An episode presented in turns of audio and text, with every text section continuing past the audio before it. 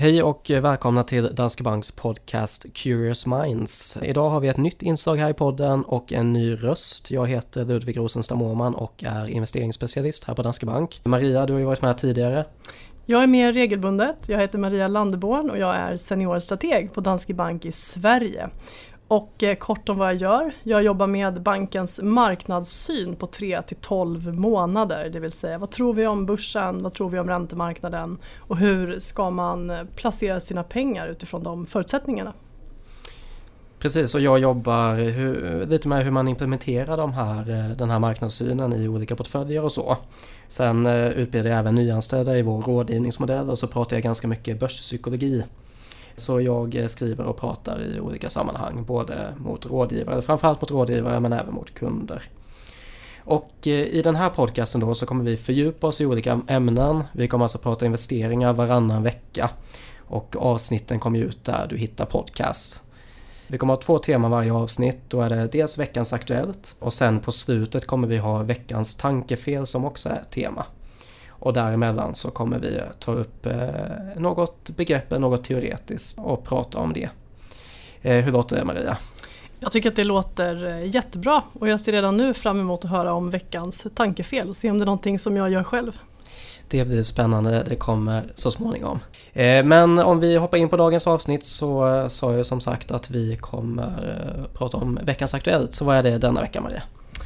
Vi har ju kommit in i oktober månad nu vilket betyder att bolagen har stängt böckerna för tredje kvartalet. Rapportsäsongen närmar sig alltså och frågan är om vi nu börjar se tecken på konjunkturavmattningen även i bolagsrapporterna. Och vi har ju fått se handelskriget trappas upp sedan början av augusti. Vi har fått svag industridata först från Tyskland och eh, nyligen också för svensk del. Och det har kommit en del vinstvarningar från utländska bolag, bland annat i Tyskland, i Finland och för amerikansk del. Då. Eh, det här är framförallt i industri och exportsektorn och det har också dragit med sig en del svenska bolag ner på börsen. Så vi har sett kursnedgång bland annat i ja, Atlas Copco, Alfa Laval, ABB. Alla har fått sig en känga i samband med de här utländska bolagens vinstvarningar. Så det finns ett extra orosmoment och eh, det ska bli väldigt intressant att se både hur det påverkat resultaten nu men framför allt vad bolagen säger om framtiden. Bra, vi har en spännande höst framför oss här. Då hoppar vi in på temat för dagen som handlar om det som många bankers rådgivning bygger på. Vi kommer gå igenom investeringsprofil, strategisk allokering och taktisk allokering. Eh, om vi börjar med det här med investeringsprofil, vad, vad är det Maria? Ja, vi kan börja med att säga att orden kan ju låta avancerade vid en första anblick. Eh, men vi ska försöka göra det här begripligt. Och eh, vi börjar som sagt med investeringsprofilen. Och när vi pratar om det så är det egentligen tre huvudbegrepp som vi tittar på. Och det handlar om riskvilja, det handlar om tidshorisont och hur stora förluster en kund eller en person kan bära. Om vi börjar med riskvilja eller riskaptit så är det ju så att den ser ju olika ut för oss alla. Medan vissa inte har några som helst problem att sova gott på natten även om man har väldigt mycket placerat på börsen och det är skakigt. Så finns det andra som föredrar mindre svängningar, mer stabilitet i utbyte mot eh, lite lägre avkastning och lite bättre nattsömn. Och på olika sätt så kan man ju jobba med att försöka Eh, stabilisera och anpassa det där till ja, hur stora förluster man kan tänka sig att acceptera helt enkelt. Sen är ju tidshorisonten förstås jätteviktig. Sparar man på kort sikt och vet när och vad man ska ha pengarna till, då kan man inte kosta på sig att ta särskilt mycket risk eftersom man alltid löper en risk att börsen svänger och svajar eller går ner precis när man ska ha kapitalet. Så att pratar man kort sikt, säg en eller ett par tre år, då ska man vara mer försiktig. Börjar man komma upp i fem års placeringshorisont så kan man ha mer kapital på börsen. Och handlar det om riktigt långsiktigt sparande, till exempel till pensionen, eh, som kanske ligger 10, 15, 20 år eller ännu mer, eh, ännu längre fram i tiden, då kan man ju ha en stor del av sitt kapital placerat på aktiemarknaden. Eh, sen är det den tredje saken, det är ju det här hur stora förluster kan man bära? Alltså om det värsta skulle ske, vi får en rejäl börsnedgång, hur stor del av mitt kapital kan jag acceptera halveras i värde eller kanske ännu mer? Så att de här tre sakerna väger man samman för att hitta en, eh, en, bra, en bra profil, en bra fördelning mellan aktier, obligationer och andra tillgångsslag i en långsiktig portfölj. Precis, så det gäller alltså att ha en eh, nivå av risk som passar, eh, passar dig helt enkelt. Precis, bara man vet vad man gör och det är anpassat till ens egen riskprofil. Mm. Och vi kommer gå in mer på det här med diversifiering eh, senare och varför vi tycker det är viktigt. Men om vi går vidare då med strategisk allokering så är det ju något som ni jobbar med i ert team också.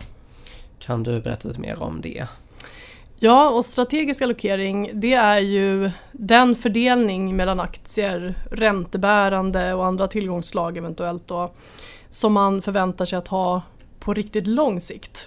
Ofta så pratar man ju om en 50-50 portfölj. Det är ofta en utgångspunkt och då menar man att man har 50% placerat i aktier, 50% placerat i räntebärande tillgångar. Och sen inom då aktiedelen till exempel så har man ju en allokering mellan olika regioner så att man har en del allokerat till USA, en del till Europa, till Sverige och så vidare. Och det där är då den fördelning som man väntar sig att man ska ha under lång sikt. Sen om man kommer in på den mer taktiska biten, då handlar ju det just om de anpassningar till det som sker, eh, som jag jobbar mycket med. Det vill säga i ett läge med minusräntemiljö, hur ska man hantera det på bästa sätt i obligationsdelen av portföljen och i aktiedelen för den delen. Svagare tillväxt, oro för lågkonjunktur, handelskrig med mera. Hur påverkar det olika marknader och vad kan man göra för att stabilisera Eh, för att minska risken för kraftiga kursnedgångar och hitta de, eh, de bolag eller de marknader som väntas klara det här bäst. Så att den strategiska helt enkelt hur ser grunden i min portfölj ut på lång sikt? Och den taktiska, vad gör jag här och nu för att försöka optimera avkastningen? Och då ska jag säga också att man gör inte jättestora förändringar utan det handlar ju om mindre avsteg. Eh, för att börjar man göra, göra väldigt stora avsteg från det här strategiska man har i botten då finns det också en risk att man har fel. Den risken finns ju alltid. Så att man vill inte ta för stor risk eh, men samtidigt göra justeringar som möjliggör att man kan få en lite bättre avkastning över tid. Precis och det är ju då för att på kort sikt så kan eh, avkastningspotentialen vara olika för olika tillgångsslag. Och som du var inne på där då, om man utgår ifrån den här 50-50 portföljen så som det ser ut i dagsläget då i, i vår marknadssyn så har vi 55% aktier och 45% obligationer.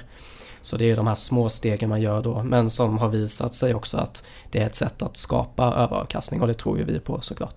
Ja, och det där är ju ett sätt. Till exempel nu så har vi en miljö med minusränta vilket gör att avkastningen som man kan förvänta sig få på en obligation är väldigt låg eller till och med negativ i många fall. Och det är ju inte så jättelockande. Mot bakgrund av det så måste man ju ändå titta på potentialen i aktier och försöka bedöma om den är fortsatt positiv eller inte.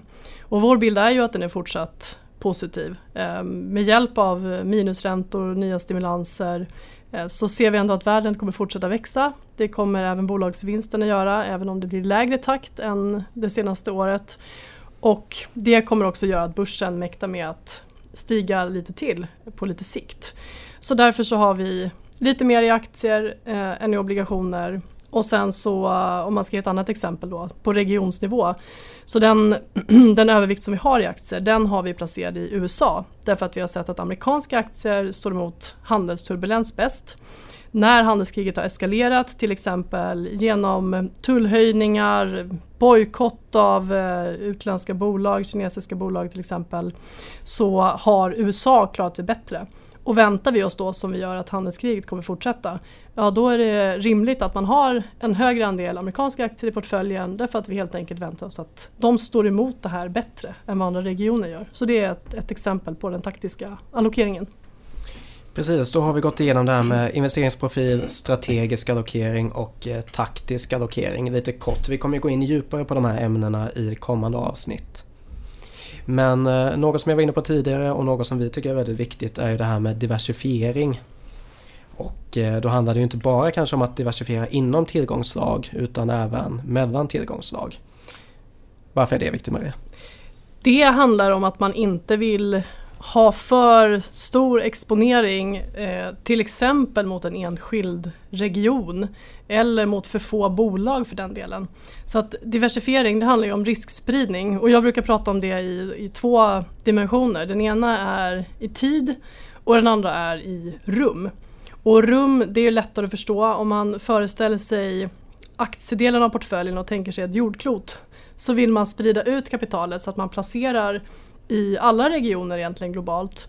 Och eh, det sätt som man normalt sett gör det, det är ju utefter hur ett eh, globalt aktieindex är sammansatt där till exempel amerikanska aktier utgör ungefär 50 procent eller lite drygt det av ett globalt index och det gör det ju normalt sett i våra portföljer också så att USA väger mer. Och sen så tittar man på hur mycket väger tillväxtmarknader, Europa och så vidare.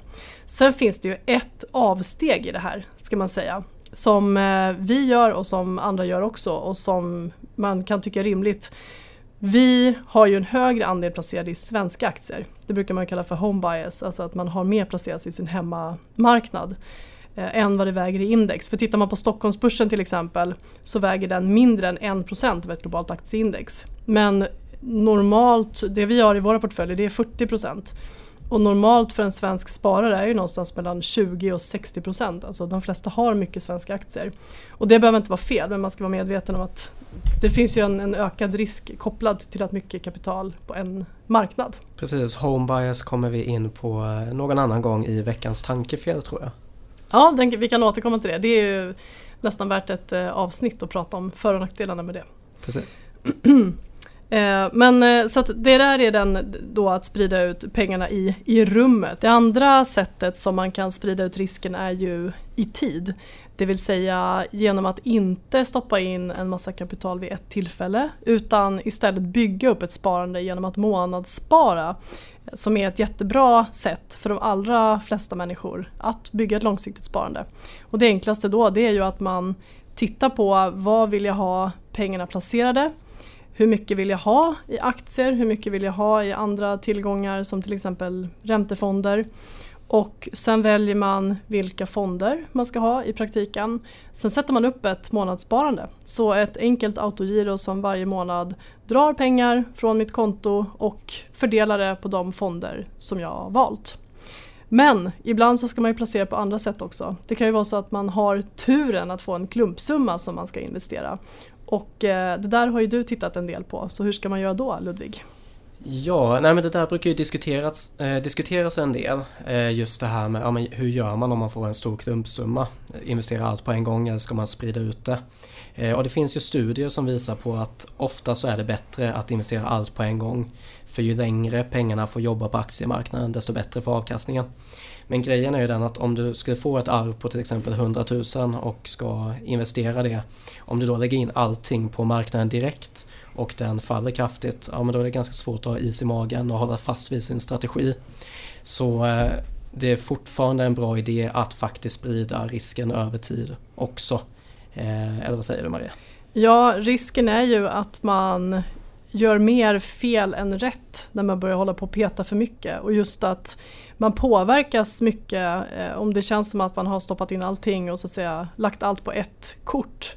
Och sen när man är inne och kollar så kanske det råkar tajma att börsen faller under två veckor eller tre veckor. Men så visar det sig att det bara var en rekyl. Frågan är, klarar man att sitta igenom den där? Och börjar man försöka tajma marknaden så är risken att man bara slutar med att man jagar den istället. Så att det äter upp mer avkastning än vad det ger. Så det här att sprida ut risken just i, i tid och i rum minskar också risken för att man blir stressad helt enkelt, fattar felaktiga beslut baserat på kortsiktiga marknadsrörelser när sparandet egentligen är på lång sikt. Precis och eh, som jag var inne på då med den här eh, investeringsprofilen då att ha rätt risk i sitt sparande. Eh, även om det är så att, eh, för just nu har vi ju en räntemiljö som kanske inte är jättekul för att spara i obligationer. Men det kan ju ändå finnas eh, en fördel att ha det i portföljen.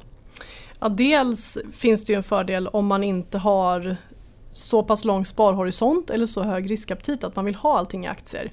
Sen, jag menar idag så har vi en ränta där både korta och långa räntor för svensk del är negativa om man tittar på statsobligationer.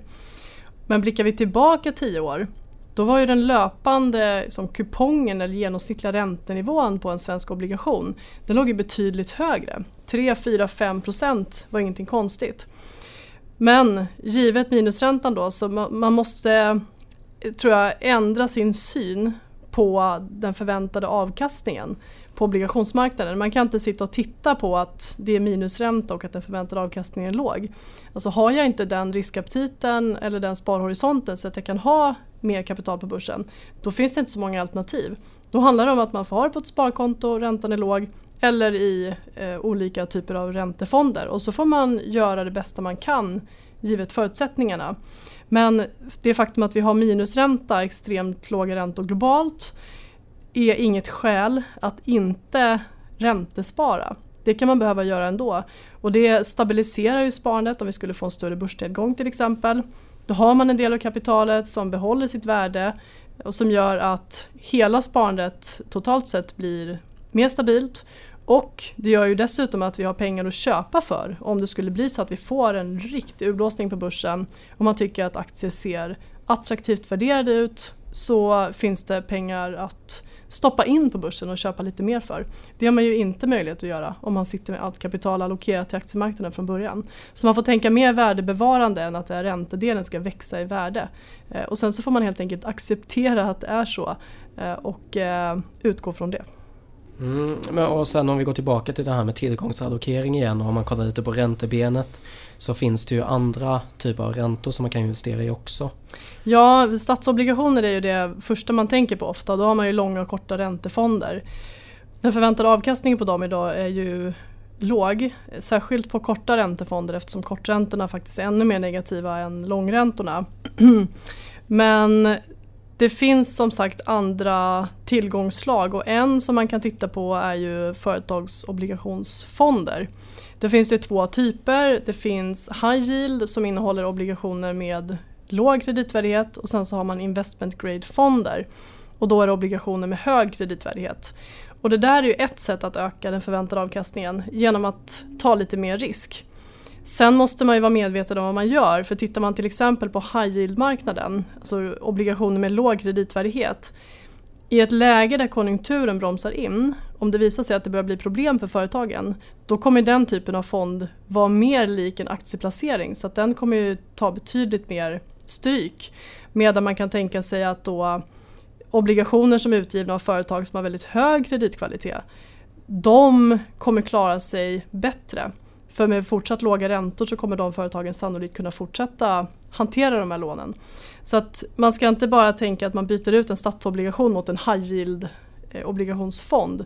För då tar man på sig mycket mer risk än man kanske tänkt. Så att det vi föredrar det är ju i så fall investment grade obligationer av så hög kreditkvalitet som möjligt egentligen. Eh, sen finns det ytterligare tillgångslag som till exempel tillväxtmarknads obligationer. Och då är det fonder som eh, primärt investerar i statsobligationer utgivna av, på tillväxtmarknader.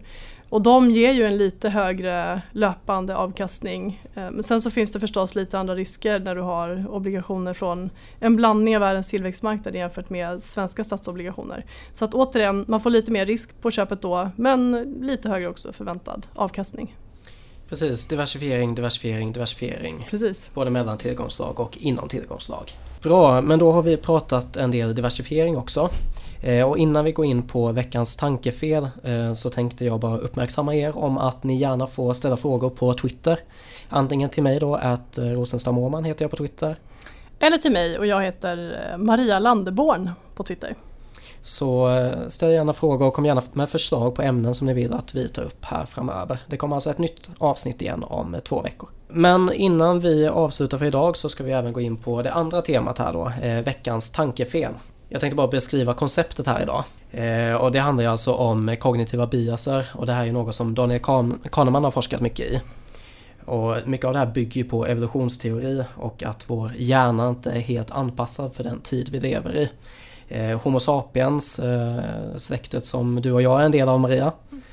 Eh, vi har funnits i ungefär 200 000 år och eh, under majoriteten av den eh, tiden då fram till för ungefär 12 000 år sedan levde vi som jägare och samlare. Eh, så livet var ju helt annorlunda än vad det ser ut idag och det är under, i den miljön då som vår hjärna har utvecklats. Och eh, det innebär alltså att vi har en hjärna som framförallt är byggd för kortsiktig överlevnad. Eh, och det är svårt att vara en bra långsiktig investerare när man har en hjärna som är byggd för kortsiktig överlevnad. Så det är lite bakgrunden till det här då och eh, det finns ju många olika sådana här då tankefel som jag kommer ta upp eh, här framöver. Vi har till exempel flockbeteende är en sån vanlig. På toppen är det många som vill in på börsen så man köper för att alla köper. Och sen på botten så säljer man för att alla andra säljer. Mm. Så det är något som då gör att man köper dyrt och säljer billigt vilket är tvärt hur man ska göra. Eh, en annan vanlig är förlustaversion, att man gärna behåller förloraraktier i portföljen för man vill inte realisera förlusten. En eh, förlust gör mer ont än vad en vinst känns bra. Och så finns det ett helt gäng andra då som jag har kommit upp här framöver. Eh, vad tror du om det Marie? Jag tycker att det låter jättebra och det där är ju otroligt intressant och eh, jag tycker att att kunna mer eh, om de här tankefelen man kan göra gör ju att man ändå lite lättare kan fokusera på den där långsiktiga strategin och undvika att göra de här missarna. Och det finns ju många undersökningar om vad det där leder till också. Man kan till exempel konstatera att om man, om man har en depå med ett sparande och så loggar man in och tittar på den varje dag då kommer man nästan varannan dag se att värdet på sparandet har minskat lite. Det betyder att varannan dag så kommer du känna dig lite stressad över att det minskat. Titta, ju mer sällan du tittar sen då, desto större andel av alla gånger du loggar in så kommer du ha en, en positiv upplevelse. Värdet kommer ha ökat på ditt sparande. Och skulle du bara gå in och titta var tionde, femtonde år då skulle du i princip aldrig uppleva en värdeminskning. Även om du skulle ha råkat ut för en finanskris eller IT-bubbla eller fastighetskris på vägen så kommer sparandet baserat på hur det sett ut historiskt ändå ha ökat i värde när man ser det över längre tidsperioder. Så att eh, man ska undvika de här tankefelen och eh, fokusera på sin långsiktiga strategi och den långsiktiga strategiska allokering som man har beslutat sig för är rätt för mig. Precis, för det är det som är grejen att de här tankefelen kommer alltid finnas där i bakgrunden. Det var lite så slutsatsen av Kahnemans arbete där att även hur mycket man studerar dem så kommer man ändå tendera att göra dem. Men sättet att undvika det, det är att hålla sig till ett tydligt system. Och det kan ju vara en tydlig strategi eller en investeringsprocess som vi jobbar mycket med såklart. Ja, exakt. Bra, men då var det eh, veckans tankefel. Och eh, då går vi vidare. Jag tänker bara att vi kan sammanfatta avsnittet lite kort. Om vi börjar med veckans Aktuellt, Maria. Rapportsäsongen närmar sig och eh, vi kommer att hålla utkik efter tecken på att konjunkturoro och handelskrig börjar slå igenom i bolagsrapporterna i högre grad än vad det gjort tidigare. Precis, och sen gick vi igenom det här med investeringsprofil, strategisk allokering och taktisk allokering som ju är grunden för många av bankernas rådgivning. Och eh, veckans tankefel, ett återkommande tema, bygger mycket på evolutionsteori som sagt och att vi tenderar att göra eh, vissa misstag Eh, på grund av hur vår hjärna har utvecklats. För att vi skulle överleva här historiskt. Precis. Bra, men då tänker jag väl att vi bara tackar för att ni har lyssnat denna veckan och så önskar vi en jättebra dag. Tack för idag och vi hörs. Tack och hej.